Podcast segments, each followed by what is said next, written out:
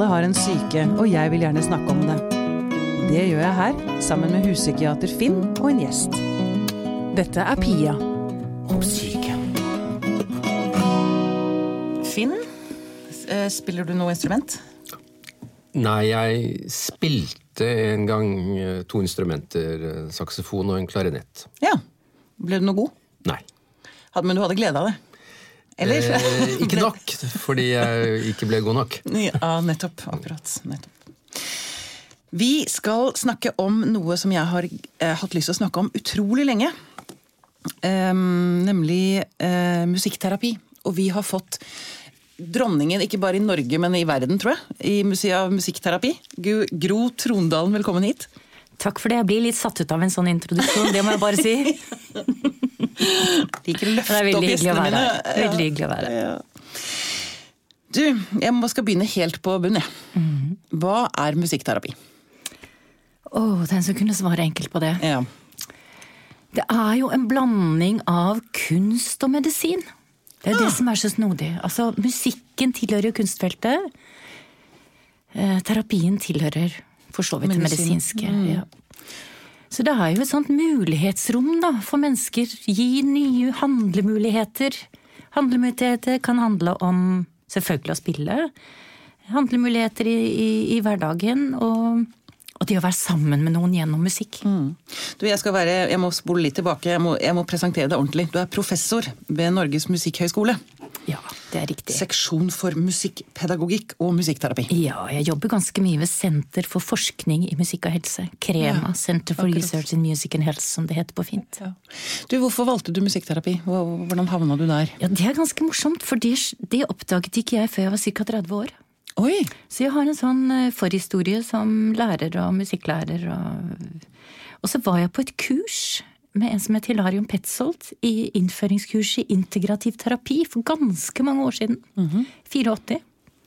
Der traff jeg noen musikkterapeuter. Og så tenkte jeg hvorfor i verden har jeg ikke hørt om det før?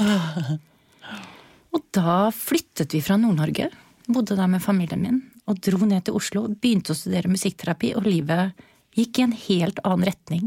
Og der ble jeg. Fantastisk. Jeg landet. Og du har ikke angra et sekund, regner jeg med? Jeg har ikke det, for jeg har vel alltid Jo, klart man angrer. Lurer på. Sant skal være sant, men, eh, men eh, det har vært en utrolig reise. Og jeg var nok en som lurte på skulle jeg bli musiker, eller skulle jeg bli medisiner. Ah, Så for meg så var det nok en kombinasjon av de to kombo. feltene. Ja. jeg må spørre deg, Jobber du som aktiv musikkterapeut også? Eller? eh, Ja, jeg gjør faktisk det. Jeg har en liten privat praksis. Ja. Den er primært knyttet til eh, ja, psykoterapeutisk musikklytting. Sånn at den er ikke den eh, å spille aktivt i terapi akkurat nå. Jeg, men jeg har gjort det i mange, mange år også. Akkurat. Jeg tror jo det at hvis man skal undervise folk som skal ut i felt, så må man ha dagsaktuell erfaring. Det er ferskvare. Ja. Jeg tenker jo at musikk eh, i seg selv er jo terapi. Man, man søker seg jo ofte mot Jeg i hvert fall, mm. jeg skal ikke si man. Jeg søker meg ofte mot musikk hvis jeg trenger trøst, f.eks. Ja. Eller for å få løst For å få forløst følelser. Altså begynne, Hvis jeg trenger å gråte, Ja. så vet jeg akkurat hva jeg skal sette på. Ja. For å liksom få slippe tak i følelsen på en eller annen måte. Eh, og så har jeg bare lyst til å si um, Jeg vet ikke om dette her liksom eh, går innunder musikkterapi, vi skal gå litt dypere inn i det, men jeg husker jo da jeg var innlagt på Lovisenberg, så hadde de piano, og det fikk jeg lov til å bruke en gang om dagen. Ja. Og jeg husker hvordan altså Da var jo jeg i min høye altså manisk, maniske fase. Hvordan det roet meg ned. Bare det å kjenne klangen. Det er akkurat bare klangen fra instrumentet også. Det var akkurat som det traff liksom hjerterytmen min. eller at det, det, det, det, var, det var noen av de fineste stundene jeg hadde der. Meg og, med piano. Er det musikkterapi? Det er jo terapi via musikk, men det er vel altså, Ja, det ene er vel den formelle utdanningen som musikkterapeut, som er en femårig mastergrad. Det andre er jo hvordan vi bruker musikken i dagliglivet vårt. Og det er klart, musikken tilhører alle. Og vi kan bruke den på vår måte. Så, så hvordan det fungerer for hver og en, det tror jeg rett og slett bare handler om hvem vi er. Ja, Og, og du snakker om piano, at det ga gjenklang. En annen ville kanskje hatt gjenklang i altsaksofonen som eh, Som Finn ikke fant helt gjenklangen i, men Kanskje han ikke fikk muligheten lenge nok. Ja. nettopp. Ja. Ok, men la oss gå litt ordentlig inn i musikkterapi som fag. Hva er det, hva gjør, hva gjør en musikkterapeut aktivt? Eh, Det kommer litt an på hvor man jobber hen. Altså, noen jobber innenfor kulturfeltet, innenfor kulturskolene. Noen jobber innenfor utdanningssektoren, noen jobber på sykehus. Og hvis man jobber f.eks. med premature barn, ikke føse, så jobber man jo ganske annerledes enn man da f.eks. jobber på en DPS-klinikk. Ja, For det brukes aktivt annet eh, folk som er i psykose og sånn, ikke sant? Jo, det er jo kommet noen sånne flotte nasjonale retningslinjer fra Helsedirektoratet, da. Mm. Med psykoselidelser, hvor musikkterapi er inne med høyeste gradering, som det heter. Og på høyeste evidensnivå. Altså at det er eh, gullstandarden innen forskningen som beviser Det er ikke bare historiene, fortellingene våre, men at det beviser at det faktisk fungerer godt. Ja. Så ja, det brukes aktivt. Og nå avbrøt jeg svaret ditt, egentlig, for hva, hva musikkterapi er. Ja, det, det, det er jo eh, eh, Rent faglig så tenker jeg at det handler om å gi nye handlemuligheter, som jeg sa i starten. Eh, Og så består det jo det er, Studiet er komponert av mange mange forskjellige fag, eller emner. Det er jo de musikkfaglige emnene, det er de vitenskapelige emnene, og så er det dette med Jeg har f.eks. et fag som heter kommunikasjon og relasjon. Ja. Eh, Hvor studentene våre rett og slett drilles og trenes i å bli kjent med seg sjøl. Tåle å orke seg sjøl. For å kunne ha en raushet mot andre. Det sånn Hvordan veldig bruker man musikk for å lære å tåle seg selv? Det er jo musikkterapien, er det ikke det? Ja, Ja, det, er, det, det dette jeg prøver å Ja, få grep om. Hva, ja, jeg nærmer meg på forskjellige måter. Ja. Så det enkleste måten vil jo være å svare med praksisene, da. Eh, At man rett og slett spiller sammen. Gir uttrykk for følelser gjennom å spille. ja. Eller lager sanger som uttrykker noe her og nå. Eller ta med noe musikk som man selv liker, dele med andre i en gruppe. Som gjør at musikkopplevelsen kanskje blir større og annerledes. ja, for det handler jo da om å, om å synes, eller bli hørt, liksom. På en annen måte enn man klarer med ord. Eller Jeg tenker kanskje at gjennom musikk så kan vi dypest sett bli anerkjent. Jeg knytter det faktisk til noe så eksistensielt som anerkjennelse. Folk snakker om at de hører på en låt, og så kan de si det er dette som er sjela mi. Eller eh, Eller andre som spiller noe, og så sier de wow. Det var som å komme ut av et fengsel. Sånn at musikken brukes på forskjellig måte av forskjellige mennesker. Ja, nettopp. Du, Finn, har du sett eh, Har du holdt på å si, deltatt i musikkterapi? Ja, altså litt sånn beskjedent så skal jeg si ja til det. Jeg har en historie som ikke handler så mye om å delta i musikkterapi, men om at Gro og jeg konkret hadde et samarbeid for ganske mange år siden. Akkurat. Eh, Knyttet til en ung mann eh, med en anoreksitilstand, og da lærte jeg en del om hvordan Gro jobba. Og da lærte jeg også at musikkterapi er mange ting. altså Gro sier noe om at man kan lytte sammen, det er jo en variant. Dette kan Gro si mye mer om. Men da handlet det veldig mye om eh, å improvisere. Og det jeg lærte nå om, er jo nettopp når man er to i rommet, og det improviseres, så handler det om å lære bokstavelig talt å samspille. Ja. Altså én spiller i noe, og så fanger den andre det, og så kan den andre, som i dette tilfellet er terapeuten, forsøke å bringe det et annet sted. Da er vi jo nettopp inne i det som er menneskelig samspill. Altså Folk er ofte ute av lage, følelser er dårlig regulert, men i samspill med andre så kan vi begynne å liksom finne en roligere rytme. Og det er interessant da hvordan eh, musikkens begreper eh, også plutselig blir til faglige begreper. Vi snakker f.eks. om spedbarn og voksne. Så snakker vi om inntoning, f.eks. Ja, det er jo et musikalsk begrep. altså så her er det liksom Livet og musikken og relasjoner, det er jo sider av samme sak. For jeg tenker, eller Når du snakker nå, så tenker jeg eh, den opplevelsen det må være hvis man føler seg veldig misforstått når man snakker, f.eks. Da. Um, ja.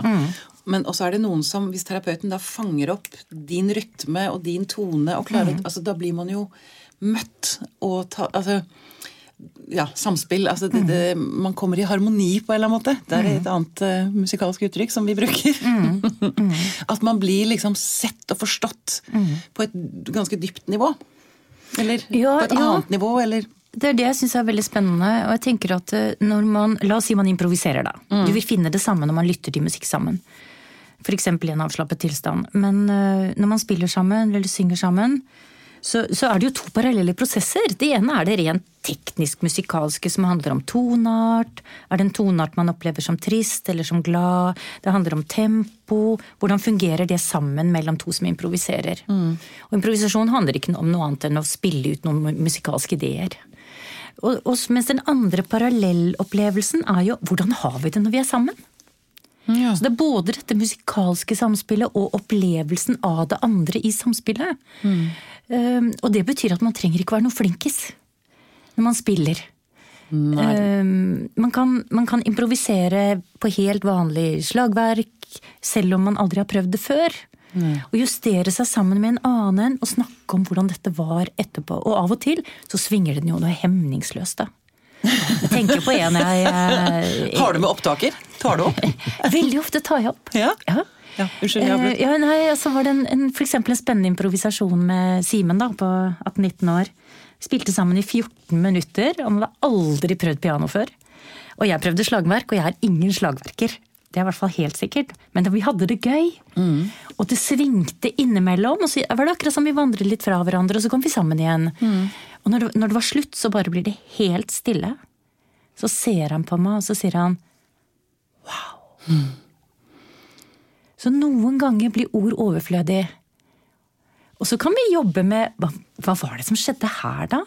Mm. Men da nærmer vi oss dette her å bearbeide det som skjedde, eller jeg, jeg, la merke til at du hørte på meg, eller Nei, vet du hva, der syns jeg du virkelig burde spilt annerledes. Mm. Altså Det gir et rom for å utforske hvordan det er å være sammen. Både i musikken og, og følge hverandre som medmennesker, på en måte. Jeg har lyst, timer, jeg har lyst på timer i musikkterapi, kjenner jeg. Ikke, ikke for å uttale meg, men rett og slett en ja, terapitime. Det, kan man det, hvis man ikke er Eller er det bare sånn når man er ordentlig sjuk? Jeg tror at vi sammen skal klare å skaffe deg noe sånt. jeg tror det! jeg tror vi kan gjøre en avtale om det. jeg, jeg sitter og tenker at hm, hvis alle hadde fått musikkterapi en gang i uka, så kunne vi kanskje skapt fred i verden. For å være litt uh, igjen svulstig, eller litt uh, ja, Sultig og svulstig, men eh, jeg kan da spille opp til deg, bokstavelig talt, ved å være litt politisk. Mm. Fordi vi lever i en verden som er på mange måter den beste av mange verdener, men mm. vi står fremfor en del sånn politiske, byråkratiske valg. For eksempel så er det sånn at norske folk skal få helsevesen for psykisk ubehag. Eh, og hvis man da er administrator, eh, som våre helsemyndigheter er, så vil de gjerne at de skal få det. Mm. Da tenker de ofte på dette eh, som om noe som ligner et legemiddel. Så f.eks. kan da myndigheter si at liksom alle norske med depresjon bør få minst en liten pakke med depresjonsbehandling, f.eks. Mm. Mm. Som ikke er da en resept på et preparat, men la oss si åtte eller tolv timer med den måten måten å bli behandlet på. Mm. Og Det kaller vi av og til the drug metaphor. Altså at vi tenker at liksom, terapi er som en pille. Mm. Og så fikk du pilla di, og så hadde du nytte eller ikke nytte, men det var det vi hadde. Og så får noen andre få det neste. Altså, mm. Det er mye bra i dette, hvis du er helseadministrator. Mm. Det Gro sitter og snakker om, tenker jeg, det er samspill. Mm. Det er ikke det at du får en dose behandling, mm. men er vi gode sammen? Uh, og jeg tenker at det er veldig viktig å slåss, og her kommer det politiske, okay. uh, når man er jeg, terapeuter, som vi er, da, for at det er våre kompetanser til å få til relasjoner, som er noe av det viktige. Og da tror jeg musikken virkelig er en egnet arena, for da kan du spille sammen. Ja. Eh, jeg tenker at jeg er litt sånn eh, full av beundring over liksom de som eh, behersker denne formen for behandling. Fordi at du går rett inn i at dette er deg og meg, vi det til sammen, eller hvordan får vi det til sammen? Og la oss, som Gro sier, la oss snakke om det etterpå, hvordan det var. Ja. Det er noe annet enn å få pakken servert. Ja. Ikke sant. Kan det erstatte medisiner? Altså til de grader, tenker jeg. Eh, mm. Til de grader, ja. Mm. Det er mange ting i det. Altså, det er en slags økende skepsis også blant forskere til liksom, hva er den reelle nytten av medisiner. Mm. Jeg syns det er veldig viktig at vi i dag liksom, tenker relasjon, relasjon, relasjon. Og det er uh, intet som kan uroe et urolig menneske bedre enn et annet rolig menneske.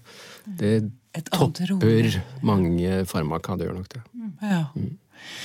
Ok, eh, Jeg vet jo at Helsedirektoratet er ikke minst opptatt av musikkterapi, f.eks. i den nasjonale faglige retningslinjen for eh, personer med psykoselidelser. Ja. Hvor musikkterapi blir kjørt frem som ikke-medikamentell behandling. Og musikkterapi er faktisk nevnt nå i syv forskjellige nasjonale retningslinjer for behandling. Men jeg vil jo si at klart at musikkterapi kan gjøre det meste. Men det er klart vi skal være edruelige. Vi skal samarbeide med hverandre. Det er ikke sånn eh, at man løper sin eget løp. Man samarbeider med fastlegen, man samarbeider med psykiateren. Ja, Ja. Innenfor den. Ja. Men vi får høre litt sånn med ak ak akademiske forskningen. Hva sier forskningen om eh, musikkterapi? Er det, er det et ganske nytt felt? Hva spør om det? Det før- spørs jo hva som er nytt, da. Altså, Ja. De gamle grekere kjenner vi jo til Ja. og opp igjennom hele veien. Men den, den nye musikkterapien i Norge Mm. altså I USA oppsto den på midten av 40-tallet. På psykiatriske sykehus hvor folk etter annen verdenskrig eh, gikk inn i sin egen verden og kom ikke ut igjen. Ja. Så så man plutselig at musikk hjalp dem til både å erkjenne hvem de var, og forholde seg til relasjonene rundt seg. Mm. Ja. Så de første musikkterapiutdanningene i USA i moderne tid kom i 47. 47. I Norge så kom den i 78. Så det er et 40-årsjubileum nå. Det er utdanning i Oslo, det er utdanning i Bergen, som har vært i 30 år. Så helt nytt er det ikke. Nei. Det som også har kjennetegnet norsk musikkterapi, og nå kjenner jeg at jeg snakker meg varm, Ja, det er veldig bra.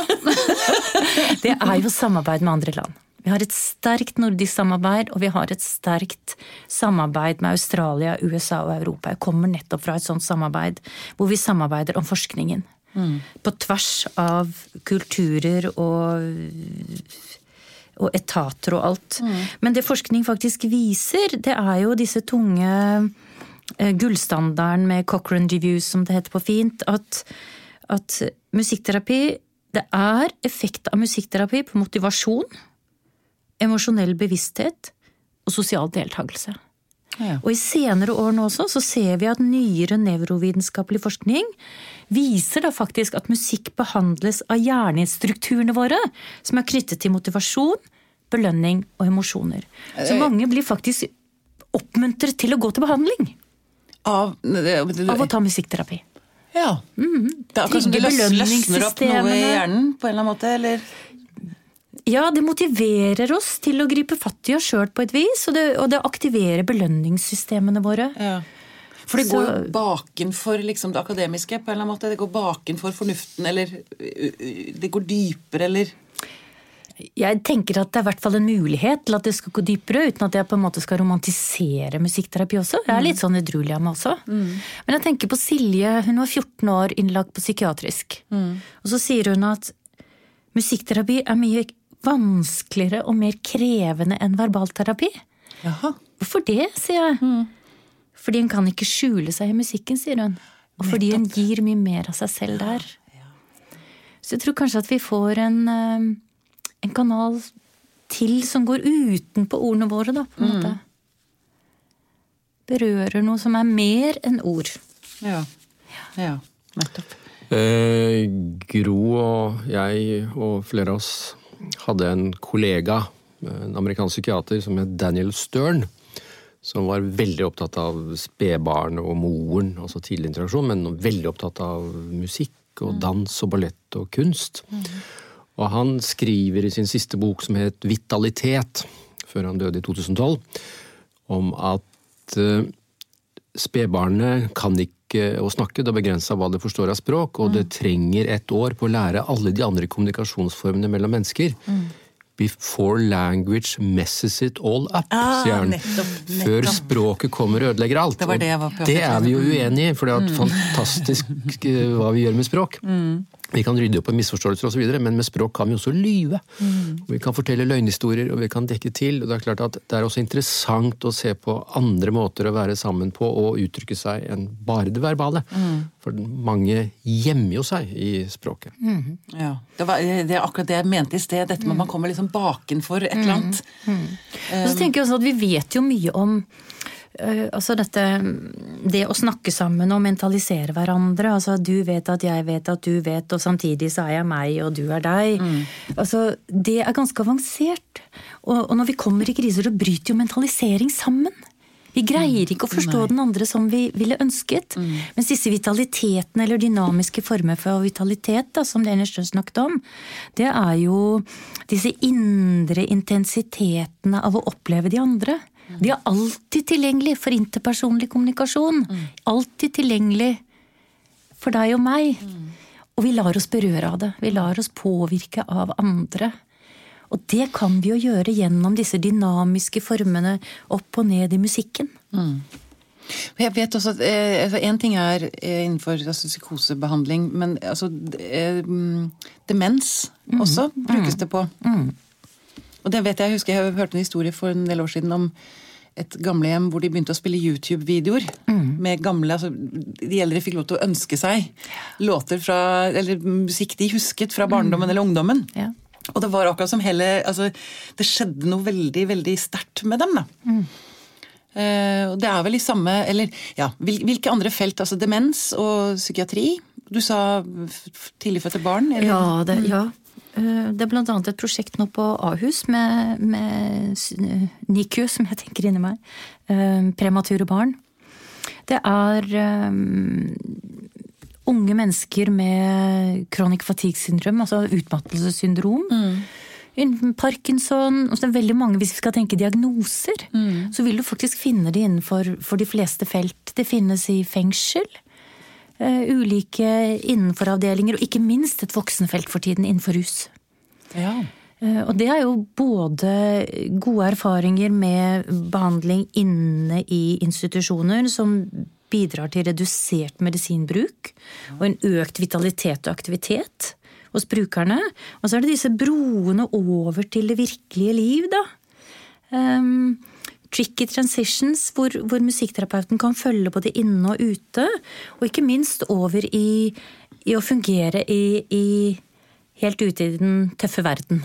ja. Så musikkterapeuter nå følger mer og mer fra innsiden til utsiden, og kanskje tilbake igjen og litt inn og ut. Og barnevernsinstitusjon. minst det- barnevern, ja. Organisasjonen Aleris har Ja. et prosjekt i Bergen på barnevern. og Ikke for at dette skal liksom bli for begeistret, men altså noe av det som er den store kvaliteten til musikkterapimiljøet i Norge, det er at de har jo skjønt litt hva si, politiske myndigheter og medisinske myndigheter er opptatt av. Nemlig et begrep som heter evidens. De skal ha bevis, de skal ha akademisk bevis på at ting hjelper. Det er veldig mye som helt sikkert hjelper. Eh, Vi har mange som driver med kunst- og uttrykksterapi i Norge. Mens musikkterapimiljøet har vel gått i bresjen for også å forske på seg selv og dokumentere. Og Ja, dermed, pluss politisk, Gro og andre, de sitter på tribunen på Stortinget for å slåss seg inn i jeg, de politiske vedtakene, og da får man nettopp dokumentert for effekt. Ja. Da kommer man inn i nasjonale retningslinjer. Og dermed så er det gode sirkler, for da blir det lagt til rette for at man skal fortsette å gjøre dette. Ja. Så det andre har kanskje vært litt sånn eh, tenkt at liksom vi driver med vårt, og så får andre forske. Altså, det er veldig viktig å skjønne at tonen i dag er at du også skal vise effekt. Da er det mye du kan få lov til å gjøre mer av. Ja. Men er det, blitt, er det vært litt sånn Eller eh, blir musikkterapeuter sett ned på av holdt på å si psykiatere, eller altså et, av fagmiljøet? Tror jeg psykiateren får svare på. jo... var Ja, men det er liksom, ja, da sitter vi og spiller litt, og så blir vi alle glade. Ja, nei, jeg tenker er at, at, sånn- at ballen ligger litt grann hos musikkterapeuter også, tenker jeg. Og det er å, å finne et språk og fortelle om hvorfor det funker. Ja. Altså En av de tingene som gjør at det funker, tenker jeg at det, det handler om tre for Jeg at, liker å tenke at det er tre nivåer. Altså Det er både den der opplevelsen av å dvele i hverandres nærhet i musikken. Altså en type væren. For å være litt filosofisk. Og så kan vi gjøre noe. Vi kan spille sammen, lage sanger sammen, synge sammen. Det er en type gjøren. Og så av og til når vi, når vi spiller eller hører på musikk, så, så blir musikken en type transformasjon eller et symbol. Jeg husker Julie satt på en sånn Hun, cirka, hun var i 20-årene, satt på en sånn stor Afrikatromme som jeg la ned på gulvet. Så satt hun oppå den, og så begynte hun å spille. Så stopper hun opp, og så sier hun Å, dette er meg. Jeg har, og jeg er tom. Hun hadde spiseforstyrrelser. Jeg har, og jeg, Jeg er er tom. jeg har, og jeg er tom. Da brukte hun altså instrumentet som en sånn symbol for seg selv, ville jeg tenkt da. Så musikken både kan fungere som en sånn væren, en gjøren, og en eh, symbolisering eller transformativ erfaring, for eksempel. Da. Så det er så mange nivåer her. Og jeg tror kanskje det er en etisk side. Fordi at det er svært mange mennesker som nyttiggjør seg veldig mange former for terapi og ikke trenger så mye. Mm. Jeg tror vi kanskje snakker om hvordan nå de som det er vanskeligst å nå. Mm. Det vil fort kunne være den psykotiske personen. Det vil være den som er dypt sunket inn i rus, inn i anoreksien, mm. demensen Altså hvordan få tak i de vi ikke får tak i. Ja. Og da er kanskje nettopp disse liksom grunnleggende møtene som er rytme og lyd, mm. eh, treffer på en annen måte enn eh, jeg, den eleverte samtalen. Mm.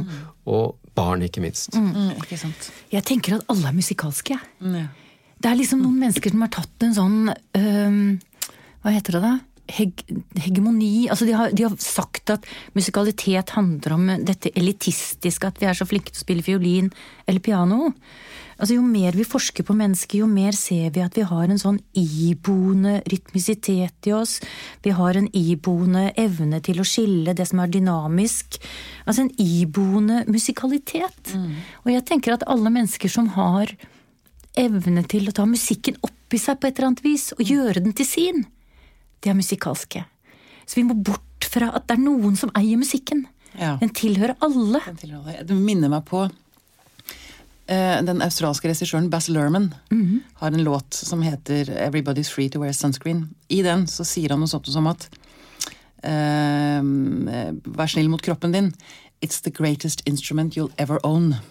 Exactly. Og det er jo det vi er. Kroppene ja. våre er jo egentlig instrumenter. Ikke sant? Uh, det er jo en rytme i hjertet, og det er en Ja.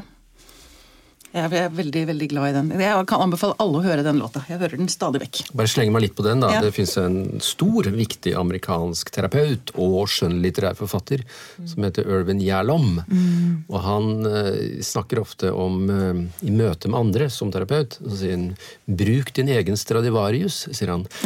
Fordi ja. at altså, vi, sinnet vårt og kroppen vår, er en resonanskasse. Så hvis jeg kjenner på trøtthet, f.eks., så er det noe i møte med den andre som ikke stemmer her. Kjenner jeg på kløe kløe, så er det kanskje en irritasjon. Altså, vi er jo også resonanskasser. Ja, ja.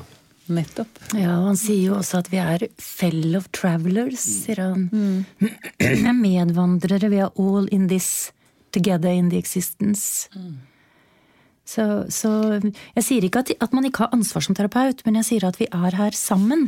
Og vi har et ansvar for å ta vare på hverandre. Mm. Og selvfølgelig har en terapeut et annerledes ansvar men vi er her sammen. Mm. Og det er en type holdning som jeg syns er veldig utbredt, eller som er utbredt i norsk musikkterapi, som ofte kalles uh, altså en, man har et humanistisk perspektiv på musikkterapien. Hvor mennesket kan velge selv. Mennesket har frihet. Ja. Det er det første jeg gjør når jeg møter en klient. Vi kommer inn i rommet, og så er det jo mange som lurer på hva, hva skal de gjøre nå? Mm. Da må vi jo spørre hva vil du? Ja, Klarer folk å svare på det? Jeg tror Et sånt spørsmål hadde gjort meg litt redd, tror jeg. Ja. Jeg lyst til å hamre løs på trommene. Nei, nei, jeg hadde klart å svare på det ganske greit. Ja, og Hvis man ikke klarer, så kanskje man kan få valget mellom to ting. Ja. Så opprettholder man fremdeles sitt eget valg. Mm. Men for å spørre deg eller dere, um, hvis man har lyst til å bedrive litt musikkterapi på seg selv, utover det å bare lytte, eller man, mm. har dere noen stalltips? Noen, kan man det, eller må man til en terapeut? Jeg blir litt lattermild akkurat av det spørsmålet. For jeg får, får opp assosiasjonen. Jeg ble oppringt fra KK for en tid tilbake. Okay. Kvinner og klær. Mm. Og så spør de meg hva slags type musikk man skal bruke når man skal vaske huset, når man er lei seg, når man er glad. Og på en måte så er det et, det er et fantastisk spørsmål. Mm. Og det er også et umulighet. Mm. Og så spør de ja, men hvis kjæresten har grått og dratt, og det er kjærlighetssorg, mm. så sier jeg på fleip da spiller man It's raining Man, halleluja. ja. Og så trikket de det. det gjorde de det! ja, det syns jeg var et veldig godt forslag, rett og slett. Ja, Kanskje det er sånn at vi, vi bruker forskjellig musikk til forskjellige perioder eller forskjellige mm. situasjoner i livet også. Mm. Altså Unge mennesker i dag har jo spillelister. Ja. Har ikke, det har jeg jo. Ja, selvfølgelig har vi det. Ja. Uh, tidligere så fikk du på en måte en LP eller en CD eller en DVD, eller hva du nå fikk, mm. som var på en måte riller, mm. spor. Mens nå lager du jo din egen spilleliste, og ofte knytter det opp mot eget egen identitet, egen tid. Marie Skånland gjorde en interessant eh, doktorgravhandling, og hun undersøkte ungdommer og spillelister. Ja. Og da fikk hun jo ja, Selvfølgelig brukte det til emosjonsregulering, altså regulere følelsene sine. Det, det visste hun jo nesten på forhånd. Men uh, da var det en som hadde svart at uh, noen går tur med bikkja, og jeg går tur med iPoden. Ja, ikke sant. Mhm. Jeg husker jeg gjorde det faktisk i noen år, da vi holdt på å brenne CD-er. Så laget jeg en CD per år, som, som ble en slags dagbok. Ja. De låtene som betydde mest for meg det året, eller som liksom traff Og det er jo når du hører Det, jo, det sitter jo så mye minner i Ja. musikk. Er så, altså, og, um, du får frem stemninger som du nesten hadde glemt. Uh, og minner, ikke minst. Som du Oi, det hadde jeg ja. Hører en sang på radioen, så Oi, den hadde jeg glemt! Og det, oi, ja, det husker jeg akkurat hva som skjedde. Og hvordan jeg hadde det da. Ja. Fascinerende. Jeg lagde også en CD til en, en mann som hadde fått slag. Ja. Som hadde mistet talen sin. Eh, men som, som jeg greide å kommunisere med på ulikt vis. Eh, hvor han forteller at han får angstanfall om natten fordi han greier jo ikke å kommunisere lenger. Han testet ut eh, sykepleierne med å mumle litt, og så skjønte de ikke hva han sa, så han skjønte at de tulla med han. Eh, Så lagde jeg en CD og så sendte med hodetelefoner. Og, og når angsten kom om natten, så satte han seg opp i sengen og satte på denne musikken og roet seg selv ned igjen. Ja. Da kjente jeg han såpass godt at jeg visste hva slags musikk han var klar for å høre på. ja. Pluss at man kanskje fant noen, noen musikkstykker som hadde sånn litt lav puls. Altså l- lignet på hjerteslagene, kanskje. Eller Ikke sant. Ja, sånn sett så øh, jeg må si, utdyper det kanskje en del sånn grunnleggende forståelse av følelser. For vi snakker jo gjerne om at vi har noen grunnleggende følelser. Mm. Frykt, sinne, tristhet, skam, Glede. lyst, glede osv. Altså vi lager noen kategorier. Eh, Men det er jo ofte sånn at vi føler jo ikke en kategori. Vi føler vi er gjerne redde og triste samtidig osv.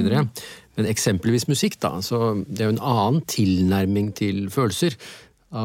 Som Gro sier, altså det er rytme, det er intensitet, det er eh, stiger, det faller, crescendo, decrescendo.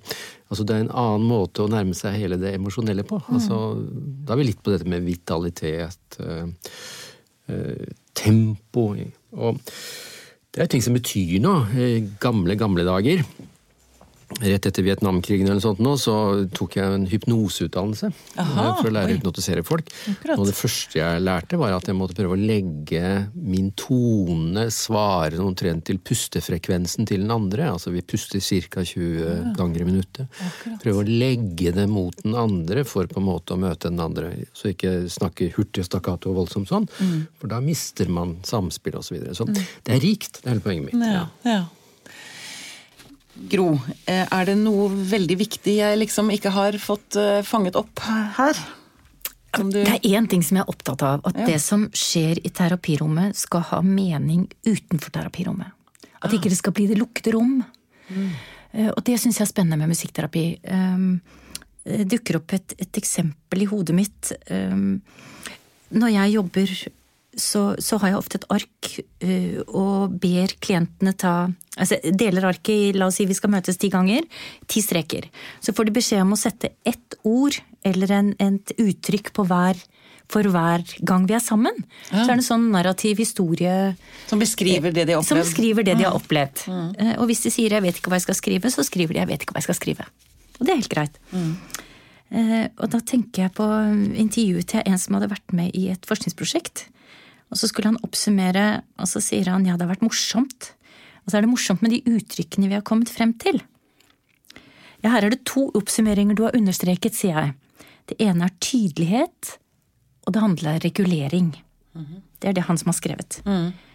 Ja, jeg tenkte på det jeg også, sier han. Hva tenkte du om det, sier jeg. Jeg tenkte at det var noe å ta med seg videre, sier han. Og en del av det vi hadde erfart, var eh, å regulere oss i forhold til hverandre, både i det musikalske og det fellesskapelige rom. Så det var en type regulering. Han hadde blitt tydeligere inn mot meg, og så overførte vi dette til Men du, når du er på fest, hvordan funker det da? innmari vanskelig å si nei til å drikke mer øl. Ok, hvordan kan du bli tydelig og regulere deg i forhold til øldrikking? Jo, jeg kan flytte meg, jeg kan sitte sideveis. Ja, hvordan gjorde du det i musikken? Hvordan satt du da? Så hele tiden linken mellom inne og ute er veldig viktig for meg å ha sagt noe om. At det ikke blir det lukkede rom, men at, at det er åpent. Og at det skal bli, få en overføring til uh, livet vårt, for det er jo livene våre vi lever. Ja, det er jo ikke i det terapirommet, egentlig, nei. nei. Finn, du sitter og nikker. Nei, fordi det er et veldig veldig viktig poeng, og jeg tror en del terapeuter historisk sett har liksom overdrevet betydningen av hva som skjer i rommet. Men skal det virke, så må det jo hoppsi, leves ut uh, utenfor disse rommene. Mm. Og klart at Av og til så gjør man jo ting i terapeutiske rom som er bra, mm. og så går folk ut i virkelige rom som er dårlige. Og det er jo vondt ofte. Da sitter vi og snakker om politiske forhold, og snakker om familier og snakker om dårlige miljøer. Men det er i hvert fall en begynnelse å åpne opp for å teste ut nye erfaringer. Og i beste fall så er det noen der ute som tar imot dem. Mm. Og så kan utenfor bringes inn i terapirommet. Mm. Charlotte studerte på universitetet. 28 år. Og helt fullstendig opphengt at hun skulle ha en eksamen som involverte latinske begrep. Okay. Mm. Og da lagde vi en rapp, da. På disse latinske begrepene. Kan du fremføre rappen? Husker du den? La oss si det sånn, hun, hun valgte Hennes oppsummeringsord den dagen var Hun het Charlotte Charlovotti. Charlovotti? Charlovotti. Okay. Ja. Gro, du skal få lov til å si én ting til. Et slags siste bevinget ord. Musikalsk ord. oh, musikk er for alle. Bruk den slik den er bra for deg. Veldig bra. Gro Trondalen, tusen takk for at du kom til oss.